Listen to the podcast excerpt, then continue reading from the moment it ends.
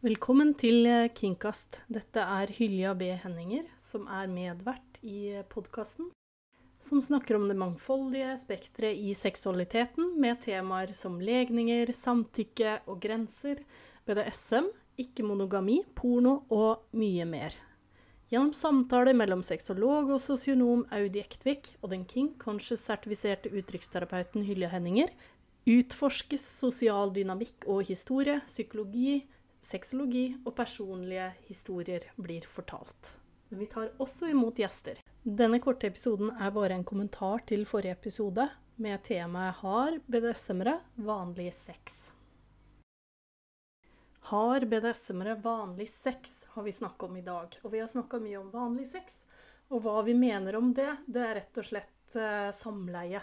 Det handler ikke om å stemple noe som unormalt, det handler ikke om å definere noe som bra eller dårlig, vi snakker rett og slett bare om vanlig sex som samleie. Eh, rett og slett mennesker som er nakne og stimulerer hverandres kjønnsorganer. Kanskje hadde det vært mer korrekt om vi bare kalte det samleie? Og vi mennesker er jo litt rare sånn. Vi liker jo gjerne å sammenligne oss med andre. Og undersøke og stille spørsmål til oss sjøl og menneskene rundt oss og lure på er jeg normal? Er jeg sånn som alle andre? Eh, Hva er seksuelt gjennomsnittlig?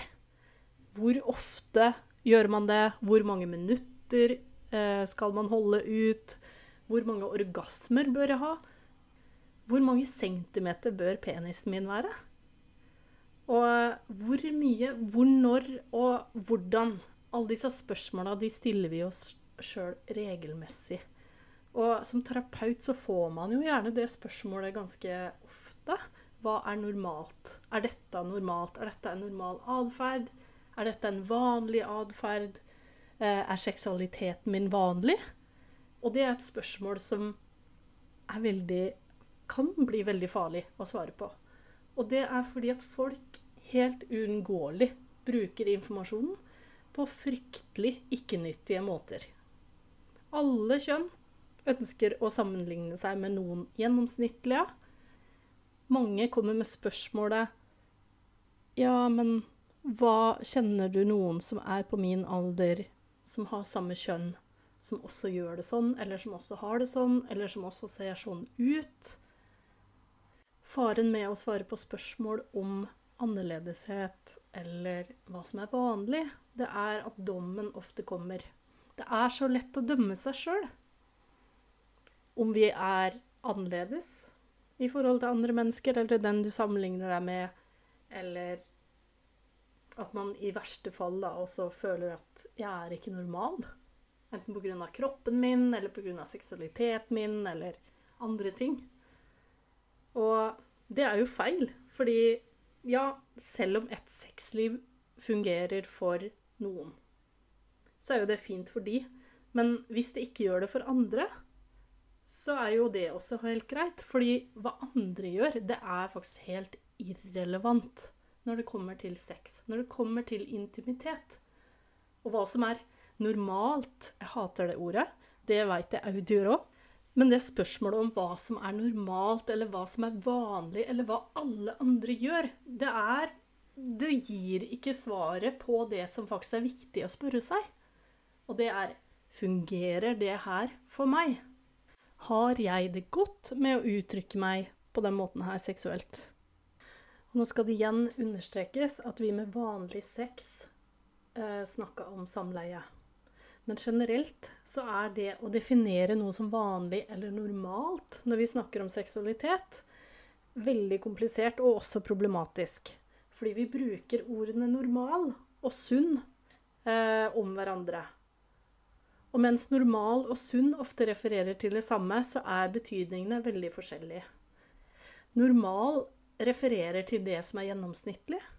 Når vitenskapen refererer til det som er normalt, så refereres det gjerne til det som er gjennomsnittlig. Og på den annen side så refererer sunn til det som er adaptivt. Eh, og noen ganger så er det sånn at det som anses som gjennomsnittlig, eller normalt eller vanlig ikke nødvendigvis anses som adaptivt eller sunt av noen mennesker. Og det er fordi seksualitet er så utrolig mangfoldig. Og det som bestemmer hva vanlig eller normal seksualitet er, det er avhengig av så mange forskjellige ting. Og det er så lett å forstå vanskeligheten med å svare på spørsmålet. Er jeg normal? Er dette vanlig? Og det er fordi det som utgjør sunn seksualitet, eh, det er veldig varierende. Og hvis vi flytter fokuset fra det med penetrerende sex eh, og tenker på hva, hva er sunn seksualitet Og det er jo det som føles tilfredsstillende for deg og for eventuell partner eller partnere. Og den kommunikasjonen som dere har, eller du har med deg sjøl, det spiller en nøkkelrolle for å sikre at alle eventuelle involverte partnere føler seg oppfylt, føler seg ivaretatt, føler også at de kan få noe positivt ut av hele situasjonen. Og vi kan bare definere hva som er vanlig, ut ifra vårt eget ståsted. Og det er veldig vanskelig å ende opp med en spesifikk definisjon eller en standard om hva som er vanlig, hva som er normalt, hva som ikke er det. For vår kultur, vår religiøse tro, våre overbevisninger, vår sosiale overbevisning kan forme det som anses å være vanlig. Og innenfor denne kulturelle og sosiale konteksten så er hver enkelt syn på hva som er vanlig, og hva som ikke er det, veldig viktig. Mennesker kan reagere på et stort utvalg av seksuelle stimuli. Så lenge en seksuell atferd eller fantasi ikke fører til emosjonelt eller fysisk ubehag, spenninger i relasjonen eller i lekeforholdet eller problemer på andre områder av livet, så er det ingen grunn til bekymring. Så lenge alle involverte parter er voksne og samtykkende, så er det ingen grunn til bekymring.